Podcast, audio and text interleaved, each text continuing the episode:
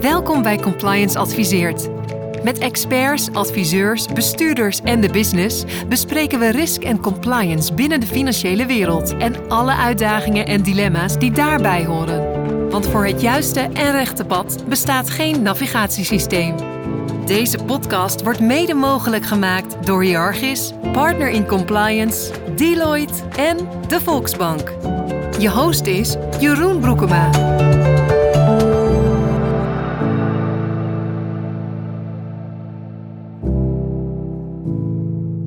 Welkom bij een nieuwe aflevering van Compliance Adviseert. Leuk dat je luistert. Vandaag gaan we het hebben over de Compliance Officer Next Level. En dat doen wij met Gwendoline van Tune, de Chief Compliance Officer van de Volksbank. Welkom eh, Gwendoline. Dankjewel. En daarnaast doen we dat met Rob Schotsman, hoogleraar aan de UvA, bank- en verzekeringsleer en director van de UvA Academie voor Bank en Verzekeringen. Welkom Rob ook aan jou. Ah, dankjewel Jeroen. Leuk dat jullie er zijn op deze warme dag, stralende, stralende dag.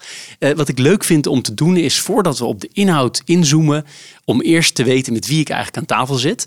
Eh, dus misschien zouden we een korte introductieronde kunnen doen. Gwendoline, zou ik jou eerst mogen vragen? Ja, uh, natuurlijk. Ik wil me graag voorstellen. Uh, Gwendoline van Thune, uh, eigenlijk al 25 jaar in het bankenvak. ooit begonnen bij operations in Amsterdam, bij de ABN AMRO Bank. Daarvoor bij Philips gewerkt, de Sociale Verzekeringsbank. En bij Hoogovens, nu Tata Steel. En als je dan al het nieuws eromheen hoort, dan is dat het laatste niet iets waar je heel veel de nadruk op, op wilt leggen. Uh, tot uh, 2021 bij ABN AMRO Bank en eigenlijk sinds uh, anderhalf jaar bij de Volksbank in het compliance vak. en hoe ik daar terecht ben gekomen is best heel bijzonder.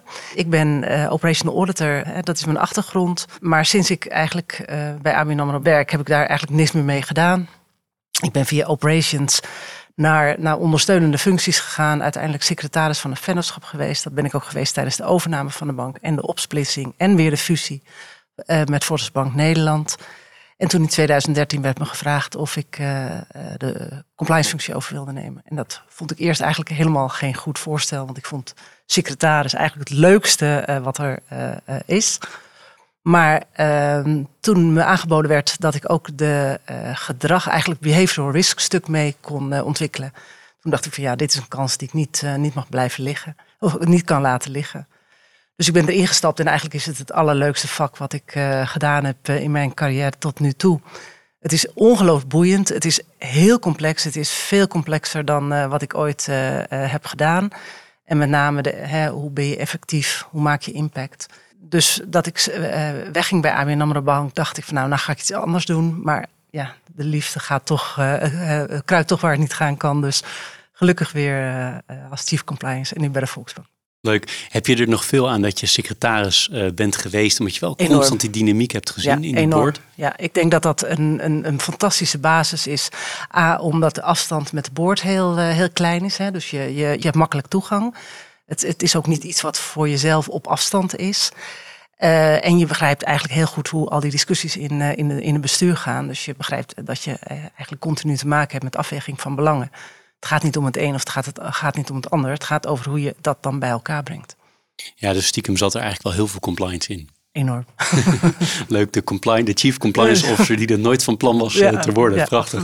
Ja, dat geldt overigens ook voor CEO's. Zelden zijn ze het van plan om het te worden. Dus dat, dat is wel mooi om te zien. Rob, zou jij ook jezelf willen introduceren? Uh, ja, graag. Uh, ik uh, zit nu 35 jaar in het vak. Ben ooit begonnen bij het ministerie van Financiën. en dat heeft me gevormd, meer dan mijn proefschrift in die tijd. Dat ging over de maatschappelijking van de Nederlandse bank. Maar bij financiën leer je heel erg breed te denken. Vanuit meerdere invalshoeken, kijkend naar een onderwerp of naar een zaak. En zo ben ik uiteindelijk gerold binnen NIBE, het Nederlands Instituut voor Bank- en Effectenbedrijf. En eigenlijk is dat ja, toch wel het bankierschooltje geweest ooit van ABN AMRO. En daarna hebben we dat toen zelf neergezet. Wel vanuit die gedachte van een vereniging, een stichting... waar alle banken lid van, van waren. En ja, daar eigenlijk alles kunnen doen wat ik maar wilde doen. Van, van, van bankiersopleiding tot fiscaliteit. En op een gegeven moment een vrije rol. En dat, dat zat hem inderdaad weer in dat pionieren. En hier dan het executive onderwijs. En dat uh, is uiteindelijk geworden tot een uh, UvA-academie voor banken en verzekeringen. Met hele innovatieve onderwerpen zoals uh, integraal risicomanagement en, en het financieel recht. Mooi. Ja, wie kent Nibé niet hè, nu in de financiële sector? Ik heb er nog nachtmerries van. zakelijke kredietverlening bijvoorbeeld. ja. ja. Ja, nee, de jaarbeurshallen in, in Utrecht. Ja, nee, dat, ja. nee, volgens mij was het toen digitaal, denk ik. Of okay. moest je daar naartoe? Ja. Ah, dat weet ik niet meer. Maar, ja. Ja. Ja. Maar het is wel nog steeds een opleiding die ongelooflijk uh, veel gebruikt wordt, hè? Ja. Ja, dat denk ik ook. Steeds ja. basis. Ja. ja. Leuk. Ja. Nou, leuk dat jullie er zijn. We hadden als titel uh, gezegd uh, de Compliance Officer Next Level. Uh, ik ben toch wel even nieuwsgierig wat jullie daaronder zouden verstaan. We hebben dat in de voorbespreking met elkaar zo opgeschreven. Maar laten we toch eens even kijken, wat, wat, wat, wat verstaan we onder Next Level? Ja, de next level is de compliance officer die uh, naast een stuk assurance geeft uh, uh, of er wel of niet voldaan wordt aan wet en regelgeving ook echt meedenkt over de toekomst van, van de organisatie. Die in staat is om maatschappelijke tendensen te vertalen naar heel, wat betekent dat, dat voor het bedrijf waar ik werk? Wat betekent dat voor ons gedrag? Wat betekent dat voor de manier waarop we ons presenteren maatschappelijk? Dus veel meer op de voorgrond en minder zeg maar, op de achtergrond. En nou weet ik hè, dat heel veel compliance officers zeggen, ja, maar dat doen we al. Maar ik denk dat we daar eerlijk gezegd nog veel te weinig zichtbaar uh, in zijn. Dus misschien hebben we een prachtige rol op de achtergrond, maar ik denk hè, met de kennis en vaardigheden uh, en het schaap met vijf poten, die we altijd genoemd worden, dat we die rol veel beter zouden kunnen pakken. Ook nou ja, in strategievorming, in de manier waarop je organisaties vormgeeft en dergelijke. Strategische dus. Absoluut. Ja, want Rob, als we een beetje kijken naar de geschiedenis en de, de evolutie van het compliance vak, hoe, hoe zou je dat grofweg schetsen? Ja, ik denk dat het uiteindelijk is uh, het compliance ontstaan vanuit schandalen. Dat begon al uh, in de jaren zestig met het faillissement van uh, Texera de Matos. Dat heeft geleid tot de eerste wet kredietwezen in 78 met betrouwbaarheidstoetsingen. En voor het eerst werd toen ook het integriteitstoezicht geïntroduceerd. In de jaren 70, 80 kreeg je faillissement van hypotheekbanken, waaronder de Tilburgse. Met uh, ja, toch wel uh, vraagtekens bij de rol van commissarissen. Heeft geleid tot een regeling organisatie en beheersing van DNB. Waarbij de compliance functie werd verbreed. En is heel mooi wat, wat Gwendoline ook zegt. Uh, dat was natuurlijk steeds vanuit bedrijfsbelang, dus prudentieel om het zo maar te zeggen. Jaar 2000 kreeg natuurlijk ook het klantbelang erbij, dus het hele zorgplichtenverhaal. Hè, waarbij uh, zeker uh, kredietverleners, maar met name verzekeraars en bemiddelaars en verzekeringen, ja, toch, toch, toch een, voor 100% in, in de toezichtswetgeving werden betrokken. Zeker verzekeraars die, die hij zeiden altijd van we hebben geen klanten, maar nou, dat bleek toch anders te zijn. En in een periode ook waaruit vanuit de Bijlmer door verzekeringstussenpersoon verzekeringen aan de man werden gebracht, Bijlmer Baaiers. Nou, dat, dat is natuurlijk allemaal voorbij. En, ja, en inderdaad, wat, wat Gwen zegt, ja, dan heb je een derde dimensie gekregen. En dat is natuurlijk heel interessant. En dat is die maatschappelijke dimensie.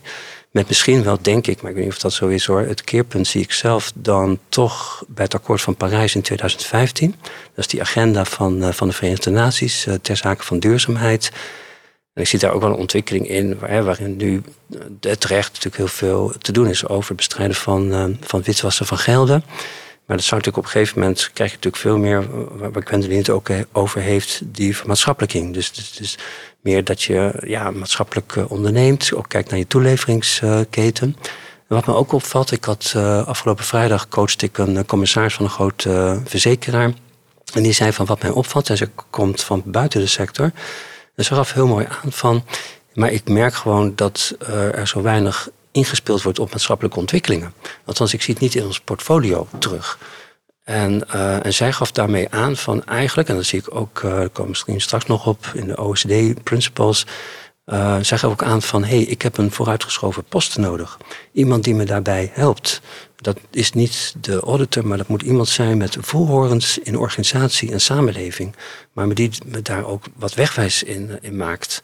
Nou, dat is precies waar Gwendoline het uh, over heeft. En, en, dat is denk ik ook een beetje de, zeg maar tot nu toe voor een deel de tragiek van de compliance eh, officer geweest. Is dat heel veel eh, zaken die gespeeld hebben, met name in de financiële sector, die zijn allemaal al aangegeven door die compliance officers. Hè. Als je al die incidenten uh, terugleest, dan denk je, hé, hey, er waren signalen Er was al voldoende bekend over in zo'n organisatie. En dan zie je toch dat er gewoon te weinig mee gedaan is. En nou ja, daar moet je dus eigenlijk een veel stevigere basis voor hebben als, als functie. Om ervoor te zorgen dat je het niet alleen roept en zegt. Maar dat je ook eigenlijk het mandaat hebt om door te pakken. En niet alleen het mandaat, maar ook zeg maar, de autoriteit binnen zo'n organisatie, hè, dat je ook gehoord wordt en dat er wat mee gedaan wordt. En ik denk dat we daar met elkaar nog wel echt een slag uh, moeten slaan. En dat zal hè, van bedrijf tot bedrijf verschillen. Hè, want in sommige organisaties zal het wel, wellicht geweldig gaan.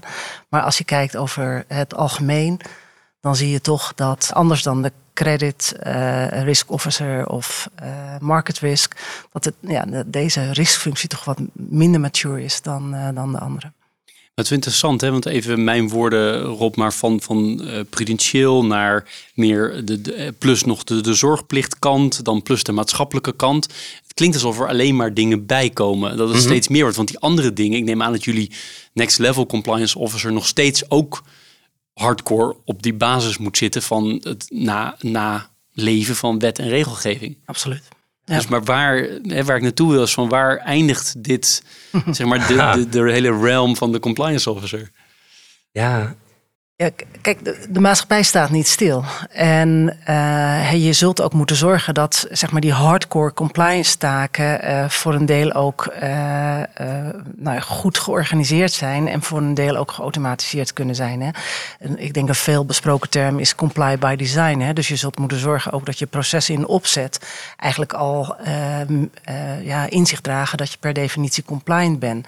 Dat geldt denk ik ook voor uh, het hele behavioral risk stuk. Is je moet zorgen dat je, dat je context van je organisatie zo dusdanig is dat mensen eigenlijk vanzelf het goede doen. En dan heeft zo'n compliance officer vanzelf meer tijd no uh, uh, over om met name te kijken wat gebeurt er om ons heen, wat gebeurt er in de organisatie en wat zijn nou belangrijke aspecten waar we in die continue verandering en die uh, aanpassing, die maatschappelijke aanpassing die er nodig is, moeten groeien of, uh, of actie moeten ondernemen. Is dat niet toch wat idealistisch? Want uiteindelijk is het toch ook allemaal ethiek afwegingen, dingen die je niet kan automatiseren, toch vaak? Ja, er, is, uh, er zijn heel veel dilemma's en die kun je niet automatiseren. Hè. Daar zul je met elkaar over in gesprek moeten. Maar er zijn ook heel veel vraagstukken. dat is gewoon een, een hard ja of nee. En ik heb geleerd, en nogmaals, ik ben geen IT-deskundige, maar alles wat een hard ja of nee is, dat moet je in ieder geval kunnen wegautomatiseren. En alles waar je over na moet denken, en ik noemde dat bij eh, ABN AMRO Bank, the art of compliance. Hè. Dus daar, daar, dat is bijna een kunst van het wegen van belangen en daar uiteindelijk uh, zeg maar de goede uh, keuze in maken. Maar ook voldoende autoriteit hebben. Dus echt een, een, een artiest zijn die voldoende aansluiting heeft ook met zijn publiek om uh, nou, daar, daar impact mee te maken. En nou ja, daar zit echt nog waar we staan en waar we met elkaar naartoe zouden moeten willen, naar mijn idee, zit nog wel een groot gat. Toen kijk jij ernaar, waar, waar eindigt het vak van de compliance officer? Ja, je kan inderdaad eh, zeggen, uh, Jeroen, van het, het, wordt steeds breder, hè, dus wat je aangeeft. Ik ben met Gwendoline eens van, misschien moet je dan ook meer zoeken naar, ik, ik zeg maar wat, een academische standaard. Dus dat je zegt van, wat je natuurlijk merkt is van, in dat verhaal leg je nogal de nadruk ook op monitoring of op controle. Maar ik kan me voorstellen dat je het veel meer risk-based benadert. En dat zou, wat mij betreft, zou dat betekenen dat je ook veel meer kijkt van: hé, hey, wat, wat is onze focus? Wat is onze strategie? Wat is schadelijk? Waar richten we onze aandacht op? Nou, nu is dat hè, terecht. Hè, is dat natuurlijk toch, uh, nou, dat hele AML-CFT-verhaal uh, wordt steeds meer duur, duurzaamheid. Hè, dus dat denk ik ook is ook een kentering voor, voor compliance. Um, nou ja, en als je dat dan risk-based benadert, dan heb je dus denk ik ook voor compliance veel meer greep dan als je inderdaad uh, ja, dat toch wel heel eng vindt, dat er steeds meer op je afkomt. Want dat is natuurlijk helemaal gerelateerd ook aan de activiteiten die je uitoefent, in welke markt je zit, uh, noem maar op. Uh, maar dat is natuurlijk een probleem, ja, dat, dat, dat is natuurlijk al jaren zo. Hè. Dus, dus nou, dat geldt natuurlijk ook voor, voor een grote financiële instelling. Van hoe weet je nou bijvoorbeeld als ING'er dat die vermogensbeheerder in Argentinië uh, doet wat jij wilt dat hij doet. En dat hij hetzelfde idee heeft over klantbelang als jij in Amsterdam. Dus dat hou je. Maar misschien vanuit een risk-based benadering, dus zet je hem wat abstracter neer, op een wat hoger niveau, kan je misschien wat meer uiteindelijk invulling geven aan dat vakgebied. Dit is Compliance Adviseert. die maatschappelijke ontwikkelingen waar jullie het over hebben. Jullie vinden dat die compliance officer daar meer mhm. mee bezig moet zijn, betrokken moet zijn, de mensen mee moet krijgen. Even mijn woorden mhm. allemaal. Maar, ja. Maar laten we eens een voorbeeld nemen: klimaatverandering. Hè? Je hebt het over, over Parijs, dus denk ik de kern daar. Wat zou die compliance officer dan daar precies mee moeten doen? Nou, wat je, wat je ziet, hè, dus als je het hebt over klimaatverandering, is, en dat is inherent denk ik aan specialisme, met name in de tweede lijn, dat ieder heeft dan toch zijn eigen vakje. Uh, de een benadert het vanuit operationeel risicomanagement, de ander vanuit uh, kredietrisico, uh, noem maar op. Maar wat je dan nodig hebt, is een generalist op een wat hoger niveau die al die mooie initiatieven binnen zo'n organisatie coördineert. En ook tijd en energie insteekt om wat Gwendoline zegt, die maatschappelijke ontwikkelingen te volgen. Bijvoorbeeld zich verdiept, ik noem maar wat, in, uh, in rapporten van OECD. Omdat je dan weet van hé, hey, dat is wat er aankomt. Ook aan politieke verwachtingen, aan maatschappelijke ontwikkelingen. Daar weet je gewoon, over vijf jaar zit daar een EU-richtlijn. Nou, dus, dus eerder voorsorteert al nog voordat er ja. een regelgeving is eigenlijk. Dat je al aanvoelt van dit speelt er in de samenleving. Dit gaat impact op onze business hebben. Zo is het. En wat je natuurlijk vaak merkt, en dat is ook logisch, zeker in de tweede lijn, omdat het zo specialisten zijn. Ja, denk ik dat er gewoon op dit moment misschien weinig tijd is of energie om zich zulke soort nieuwe thema's eigen te maken. Maar wordt daar ook misschien niet voor uitgenodigd. En dat is te meer opmerkelijk, omdat ik denk als je met bestuurders spreekt, dan zit het probleem voor hun, denk ik zelf, niet zozeer in kredietrisico's, in die kwantificering. Dat is allemaal wel, althans dat staat allemaal netjes op papier, maar het zit natuurlijk altijd in de ongrijpbare uh, risico's. Per definitie zijn dat uh, niet-financiële risico's als dit. Dus je hebt iemand nodig die het initiatief neemt en zegt van... hé, hey, er komt nou wat aan. Uh, we zouden dat eigenlijk moeten voorsorteren. Niet dat we moeten, maar het is wat, wat we ook zouden willen.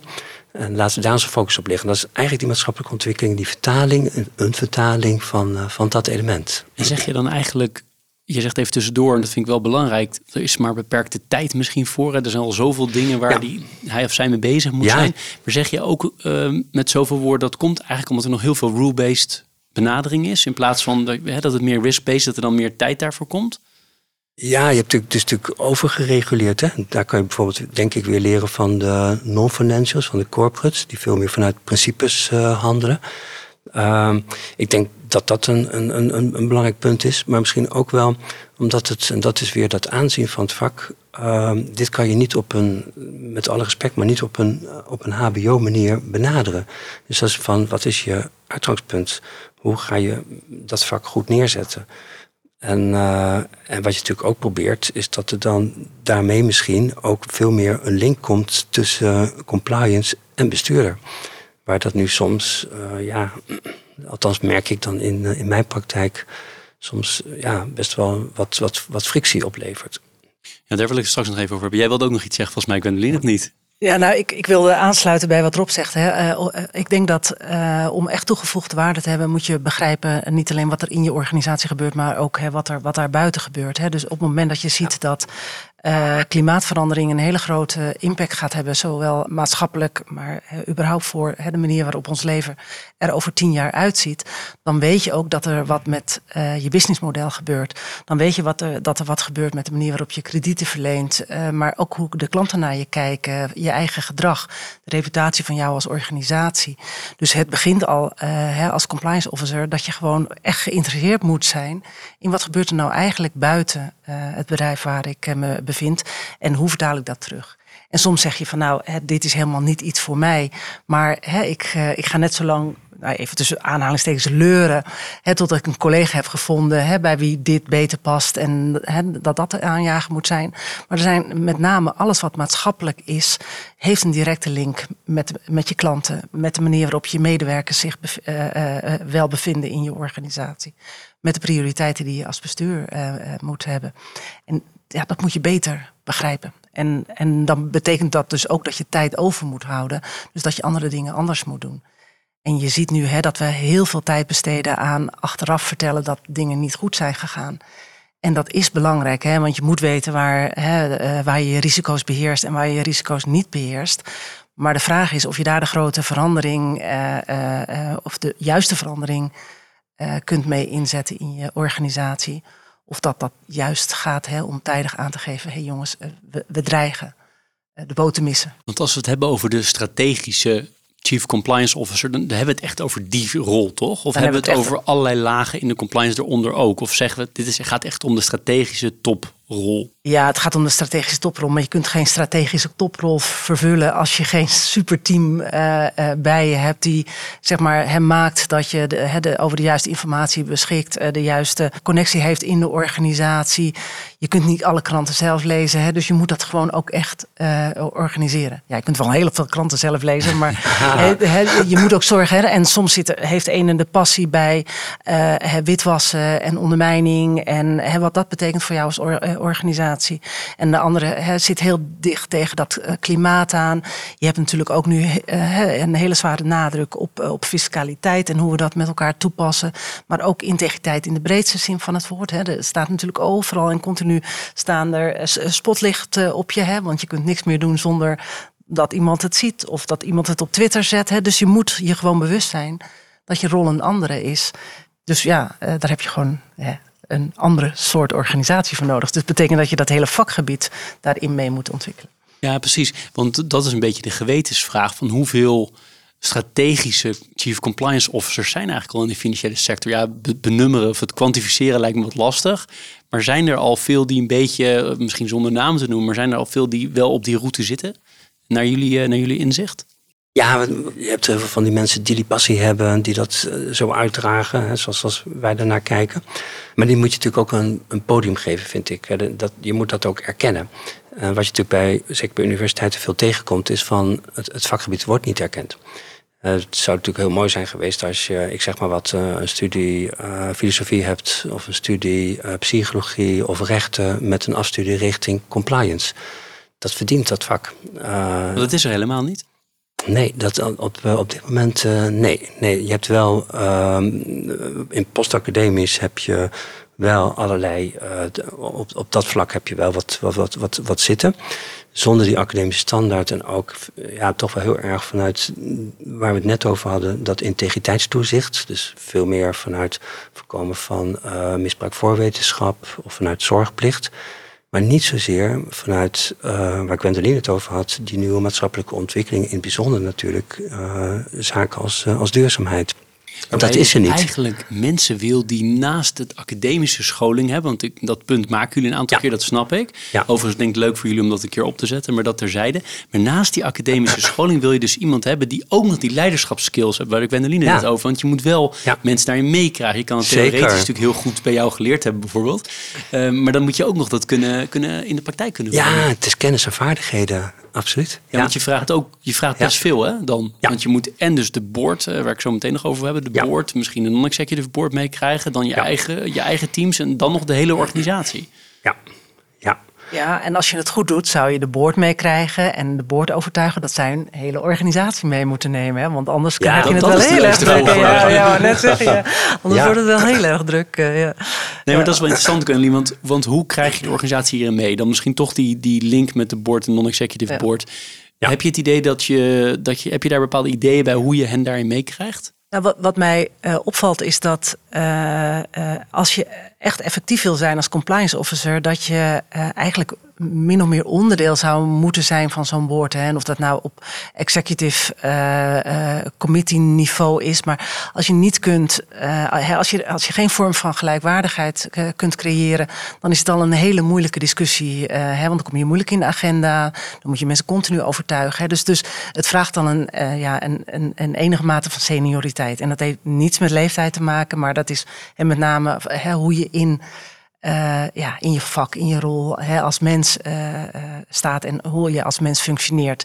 Maar goed, dat geldt natuurlijk voor al dat soort rollen, denk ik. Hè? Maar zou je dan eigenlijk verantwoording moeten afleggen aan de RVC of aan de board? Volgens mij, hè, met name in de financiële sector, doe je dat al. Hè. Daar, daar, daar uh, leg je verantwoording af aan de RVC. Hè. Ik heb een directe uh, rapportagelijn naar de RVC. Dat zullen alle chief compliance officers in, in de financiële sector hebben.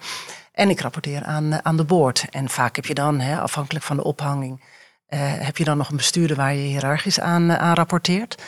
En wat je nu veel ziet in anglo-saxische landen, is dat uh, die chief compliance gewoon onderdeel is van die board. Nou, dat is natuurlijk een mooi pleidooi, maar dan zou het bijna zijn als het of, alsof het over mezelf gaat. Maar het, wat je eigenlijk wil, is dat je een hele seniore persoon hebt die gewoon, ja, eh, zeg maar, op basis van zijn, zijn organisatie, uh, ja, die, die, organisatie kan helpen de juiste keuzes te maken. Eigenlijk is het continu het reconciliëren van dilemma's. En daar denk ik dat nou ja, ieder mens een beetje hulp bij kan gebruiken. Maar zeker ook grote organisaties. Heb jij nog additionele visie op die verhouding van de Chief Compliance Officer, Board en, en RVC? Mm -hmm. nou ja, wat je natuurlijk gezien hebt naar aanleiding van de kredietcrisis, is dat de Chief Risk Officer is al in de board gekomen. Aanvankelijk had ik het idee dat de Chief Risk Officer ook het, ja, het compliance stuk zouden meenemen. Wat je, maar wat je in de praktijk denk ik ziet, is dat het toch vooral het financieel risicomanagement uh, is en blijft. En, en dat, ja, dat is natuurlijk toch een, uh, een hele lastige. Uh, dus ja, dan ligt het voor de hand. Zeker omdat waar we het net ook over hadden die, die maatschappelijke dimensie, dat maatschappelijk belang, uh, steeds meer een rol gaat spelen in het beleid wat je formuleert. Nou, kijk maar nu naar de aanpassing van de OSD Principles of Governance. Uh, je ziet het overal in terug. Ja, dan ligt het voor de hand dat je dat maatschappelijk belang veel meer dat geluid laat doorklinken, ook in de board. Dus ja, dan zou ik eigenlijk wel zeggen van eigenlijk hoort hij dan ook in de board thuis. Alle kanten verzwaard worden. Ja, rol. ik denk het wel. Ja, ja. Hoe kijk je naar de rol van de toezichthouders in deze? Ja, ik denk dat, dat, dat, uh, dat, dat, toezichthouders ook wel uh, dat heel erg lastig vinden. Van hoe, hoe moet je dat nou goed neerzetten? Wat ik wel heel erg zie is dat toezichthouders, en dat is op zich ook wel logisch, kijken vooral naar de, de, de, de, de onafhankelijkheid in, in de structuur. En veel minder naar onafhankelijkheid vind ik in geest. Dus uh, dat, dat vind ik wel een punt. Dus zij kijken vooral naar die structuur. En dat is ook hè, wat je natuurlijk ook in, in wetgeving ziet, althans in het financieel recht. Uh, zorgen ervoor dat compliance onafhankelijk is, onafhankelijk van de business. Nou, dat. dat, dat uh, maar ik, ik heb niet het idee, maar misschien Quint dat jij dat anders ziet dat, uh, en misschien gaat dat wel komen hoor, dat, dat, vanuit, dat denken vanuit drie dimensies, dat dat nu tussen de oren van iedereen zit, van toezichthouders. Je ziet wel bij de ECB terug uh, dat dat inderdaad veel meer een rol moet zijn vanuit dat maatschappelijk belang, veel meer die nadruk wordt gelegd op de Chief Compliance Officer. En daar wordt ook steeds over gepubliceerd. Van dat moet je serieus nemen, dat moet niet een veredelde uh, jurist zijn. ook niet dat je dat combineert met de rol van secretaris, dus die moet je apart neerzetten. Dus dat wel. Dus ik denk wel een goede ontwikkeling uh, ten goede. Maar dat is, ja, zoals ik dat dan proef, wel nog een wat langere weg. Ja, ja want je ziet bijvoorbeeld vanuit de Europese Centrale Bank en vanuit Frank Elderson, dan toevallig in Nederland, een enorme push uh, ja. richting de, de financiële sector. Om, hè, we hebben het over klimaat gehad, om daar heel veel op te, op te gaan doen. Ja. is dat dan een push meer naar de board of is dat ook specifiek op, naar de compliance officer? Of wordt dat een soort van gedelegeerd dan aan de, aan de. Zou dat gedelegeerd moeten worden aan de compliance officer? Ja, het is eigenlijk een push naar de organisatie om dat onderwerp serieus op te pakken. Ja, uh, je pakt het serieus op, zou ik zeggen, zeker dit, door dat ook in de board tot uitdrukking te brengen. En die, die discussie hebben we natuurlijk ook gehad met een chief risk officer. En daar was dan de kredietcrisis voor nodig om, ja, om ervoor te zorgen dat de chief risk officer ook in de board kwam dus bij banken is dat eh, vanuit die Capital Requirement Directive ook een verplichting. Bij verzekeraars overigens nog niet, maar die hebben natuurlijk grote verzekeraars ook voor gezorgd. Alleen ja, ik zou zeggen van wacht niet op een nieuw schandaal of op, op, op dat maatschappelijke ontwikkelingen jou inhalen. En ja, wees dat voor. En dat zou er inderdaad voor pleiten om zo'n chief compliance officer in de board te zetten. Ja. ja, en wat je nu ziet hè, is dat toezichthouders hebben het continu over stature en authority. Hè. Dat moet je dan hebben als uh, compliance, hè, als chief compliance of als compliance functie. Maar daarmee impliceer je eigenlijk dat dat allemaal vanuit de persoonlijkheid en vanuit de rol en de ophanging uh, kan komen. En uh, ik denk dat je een groot deel ook wel hè, vanuit de persoonlijkheden die je benoemt in zo'n functie uh, kunt waarmaken.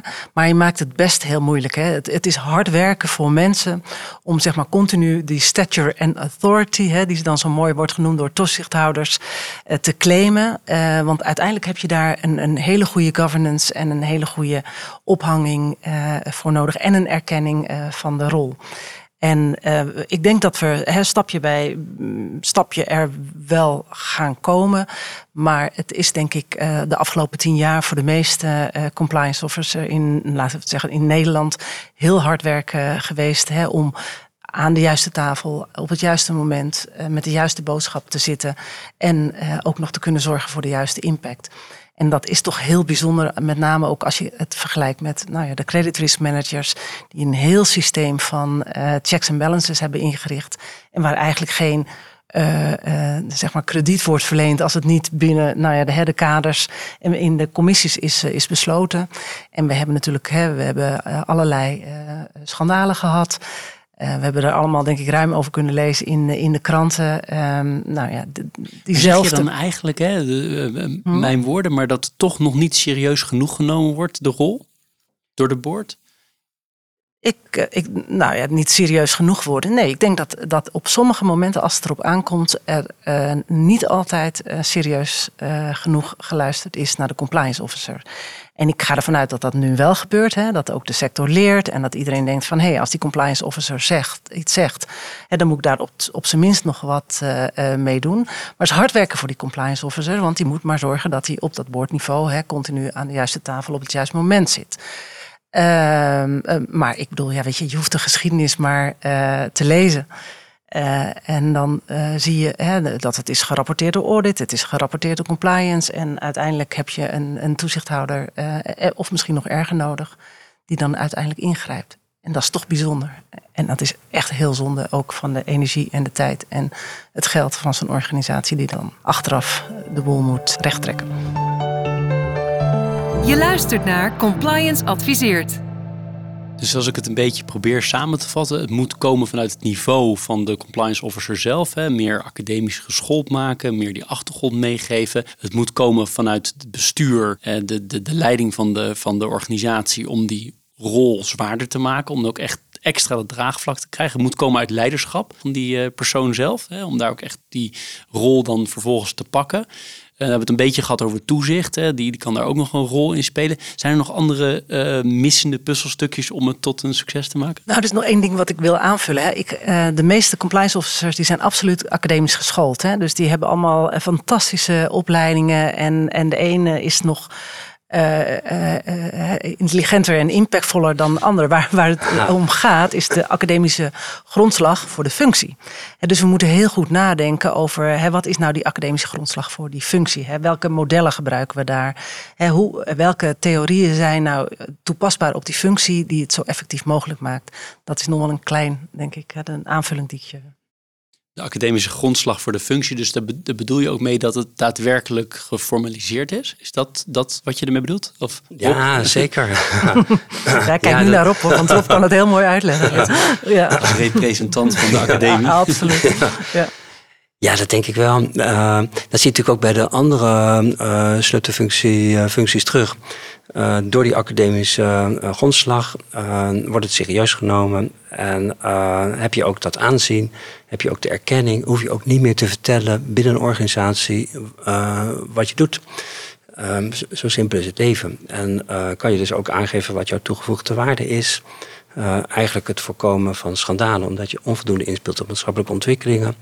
Uh, dat levert dus minder risico op. Daardoor minder kapitaal hoef je aan te houden. En daarmee een hoger rendement. Nou, dat is natuurlijk wel heel erg kort door de bocht. Maar het levert ook geld op. En, uh, en nu hoor ik toch nog wel steeds soms van bestuurders van het kost me alleen maar geld. En ja, dat is natuurlijk niet zo.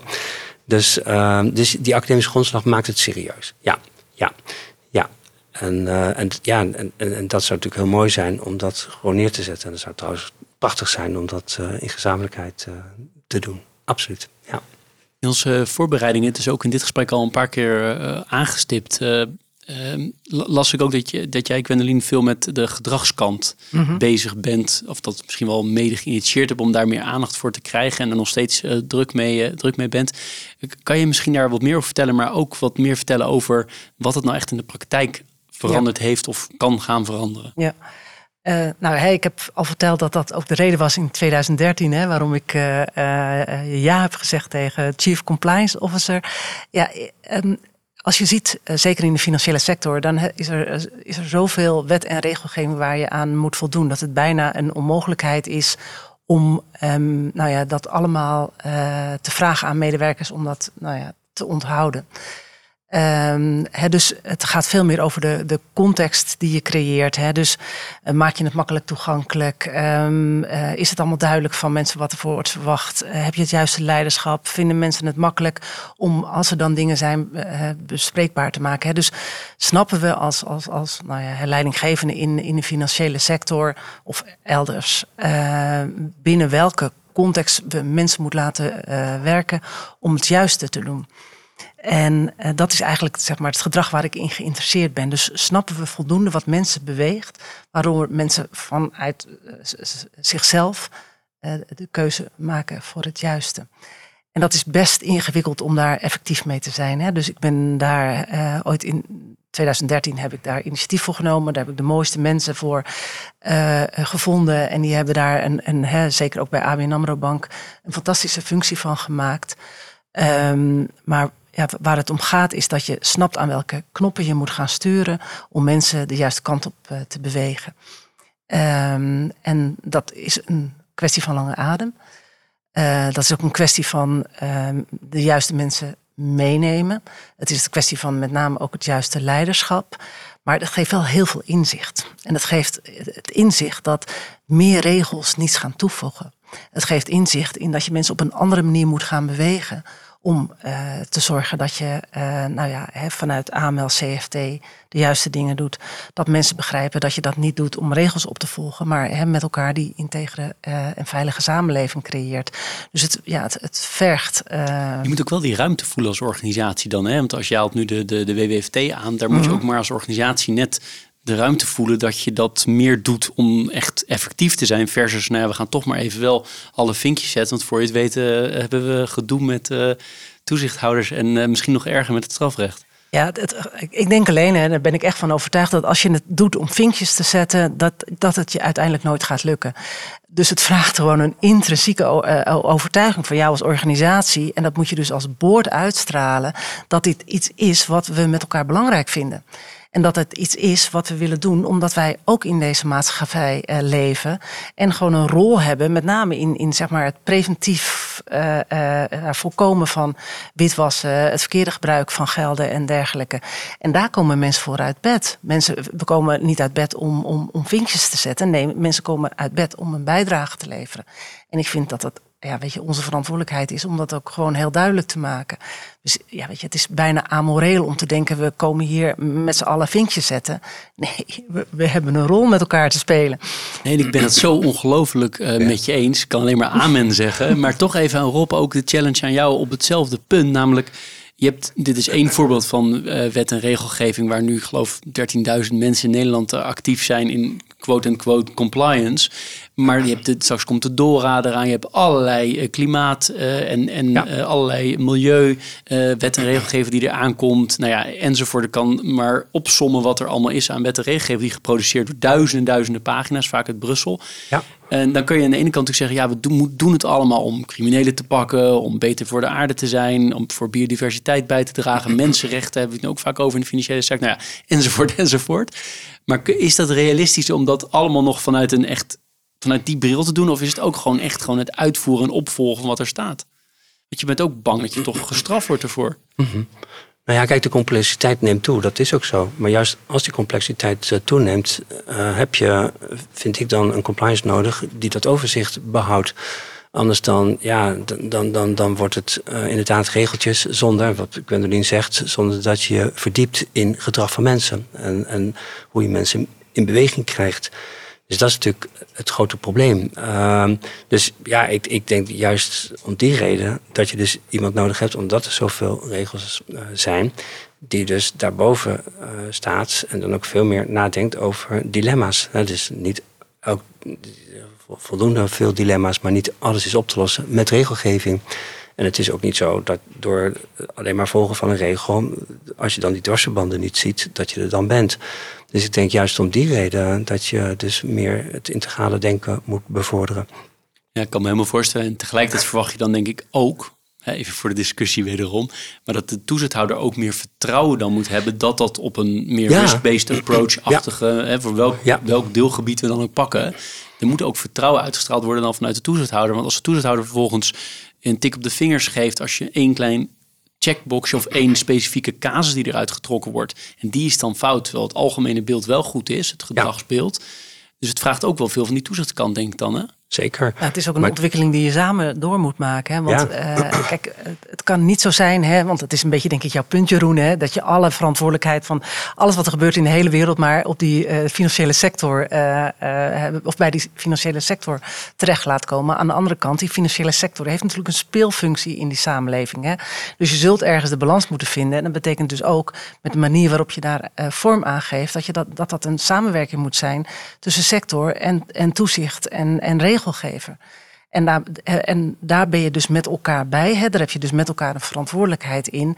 En op het moment dat je afspraken met elkaar hebt gemaakt, ja, dan moet je je daar ook aan houden. Weet je, we zijn geen kinderen. Hè? We, we, we zijn wel zeg maar professionals die met elkaar proberen die maatschappij zo goed mogelijk vooruit te helpen. Dus het, het, het vraagt wat aan, aan, aan, zeg maar aan de ontwikkelkant, hè, aan de regelgevingkant. Het vraagt wat aan eh, hè, in, de interactie hè, tussen, dus, tussen alle partijen. Ja, en op het moment dat je hebt gezegd, en zo gaan we dan met elkaar doen, ja, dan moet je het ook gewoon doen op een zo goed mogelijke manier. En daar komt die gedragskant weer. Want dan betekent het dus ook dat je je medewerkers op een, op een hele eh, eh, manier mee moet nemen. Zodat ze niet het gevoel hebben dat ze nou ja, weet je, dingetjes aan het doen zijn. Maar dat ze een, een, een wezenlijke bijdrage hebben eh, te leveren aan, aan de wereld waarin ze eh, ja, leven. Ja, zeker. En daar kun je ook hele grote problemen mee voorkomen als Ja. mensen zelf blijven nadenken. Ja, Ik bedoel, denk maar ja. aan toezicht, eh, toezichtaffaire of de, de, hoe heet Ja. het, de kinderopvangtoeslagaffaire. Ja. Dat soort dingen. Als je natuurlijk niet meer zelf nadenkt en gewoon aan het uitvoeren bent. En toch zien we natuurlijk wel heel veel in de sector op dit moment. Dat mensen gewoon echt wel aan het Ja. uitvoeren zijn zonder per se, eh nou ja, WWFT dan maar weer als voorbeeld, want dat is het gebied dat ik het beste ken, maar toch vooral bezig zijn met vinkjes zetten. In plaats van eh, met eh, daadwerkelijk kijken of het effectief is om Nederland eh, vrij te houden van witwas. Nou, Ja, en, ja, Ja, nou ja, je wilt, je wilt de professie terug. Hè? En, maar ik denk, ik denk, als je, denk, als je aan een extern toezicht zou, dus, zou vragen van wat wil je nou liever? eh slaafs comply of eh, heel bewust explain. Ik denk dat een externe toezichthouder zou zeggen, bij voorkeur wel bewust explain. Ik denk dat het daarop neerkomt. En natuurlijk, die tijd hebben we ook gehad. En, dat is natuurlijk al die regeltjes. Dat is natuurlijk een dialectiek van actie-reactie. Dat kwam ook door hele ingewikkelde producten die we hadden. En dan krijg je, ja, krijg je natuurlijk dat spel. En dan had je natuurlijk nogal wat eh, dienstverleners, ook in andere sectoren. Ja, die zoeken dan de randen van, eh, van, van de weg op. Alleen ja, daar liggen kiezelsteentjes en dan kan je vallen. Ja. Maar je kan ook zeggen van ik ga in het midden van die weg rijden. Nou ja, dat is meer vanuit, ja, toch zoals we noemden net artificial intelligence, vanuit ethiek. Eigenlijk heb je daar ook dat wetboek niet voor nodig. Gewoon, je moet dan gewoon dat, eh, volgens een wet financieel toezicht terzijde schuiven. En gewoon nadenken over maatschappelijke ontwikkelingen. Hoe ga jij daarin? En dat is ook wat zo'n toezichthouder uiteraard wil. Ja, dat is mooi. Mooi hoe je het zegt, de professie die terug moet. Want dat is uiteindelijk waar het om gaat. Het moet vertrouwen in die professie Ja. en professional hebben. Ja. En als je dan elkaar vertrouwt, dan durf je ook wat los te laten. Want Precies. Bij, uit angst ga je natuurlijk alleen maar meer regels opleggen. Ja, kan me zo voorstellen. Ja. Ja. En, en het, het bijzondere is dat eh, er is heel veel onderzoek gedaan. En hoe meer regels je oplegt, hoe minder eh, eh, de nou, mensen in staat zijn om zich daaraan te Ja. houden. En sterker nog, hoe meer weerstand er ook komt vanuit diezelfde mensen. Dus, dus het, het, het is ook nog eens niet effectief. En dat vind ik dan wel mooi, ook nu met de WWFT, hè, dat ook DNB met de sector nu in gesprek is. Hè, om te kijken van hoe kunnen we dat weer met elkaar rationaliseren op zo'n manier dat we ook effectief zijn in de inzet. Hè. Want jij had het net over die duizend- der- 13.000 eh, mensen die daar aan het werk zijn. En ja, naar mijn idee, als je goed met elkaar nadenkt en je, en je krijgt dat vertrouwen weer terug, dan kun je die 13.000 mensen op al het geld wat je daaraan besteedt, misschien nog wel veel effectiever inzetten om dat te doen wat je wil, namelijk eh, witwassen voorkomen en misdaad eh, bestrijden. Mooi. Ik wil met jullie eh, nog, een- nog een paar dingen doen, eh, zo tegen zo 80, 90 procent van deze, van deze aflevering. En de eerste is, is kijken of jullie nog specifieke tips hebben voor verschillende groepen. Dus kies er gewoon een uit die bij jou past, of meerdere. Eh, tips bijvoorbeeld voor de wetenschap, of tips voor de compliance officer die in het veld actief is, of misschien tips voor eh, jongeren die nu eh, iets studeren in die richting op willen. of tips voor bestuur of nou, de toezichthouder, you name it. Maar kies iets uit of, of meerdere waar je zegt, daar zou ik wel, wel een tip willen, aan willen geven. Oh, wat een moeilijke vraag. Ja, dat vind ik ook. Daar moet, je altijd even over nadenken. Maar... Geven jullie de kans. Nou, geef, ja, nou, zal, ik, zal, nou, zal ik er maar gewoon een, een tip uh, voor mijn vakbroeders, uh, hè, voor, voor de compliance officers, of het nou in corporates is of, uh, of in de, in de financiële sector of aanverwant. Uh, wat het allerbelangrijkste is, is dat je je onafhankelijkheid weet te bewaren. Zo gauw je afhankelijk bent van de organisatie waar je binnen werkt, ben je eigenlijk al de helft van je effectiviteit kwijt. Dus je kunt eigenlijk alleen maar een goede uh, compliance officer zijn als je, nou ja, een, een, onafhankelijkheid van geest, uh, maar misschien ook nog wel in je doen en laten hebt omdat je dan datgene zegt wat je, wat je vindt, uh, wat je voelt, waar je in gelooft. Uh, dat maakt je authentiek. En dat maakt je daarmee denk ik ook veel impactvoller dan nou ja, als je het gevoel hebt dat je te veel onderdeel bent van zo'n organisatie. Hoe doe je dat? Ja, dat, dat, dat, heeft heel veel te maken met, met de vrijheid die je zelf voelt. En die je denk ik toch een beetje in dit vak moet gaan zoeken.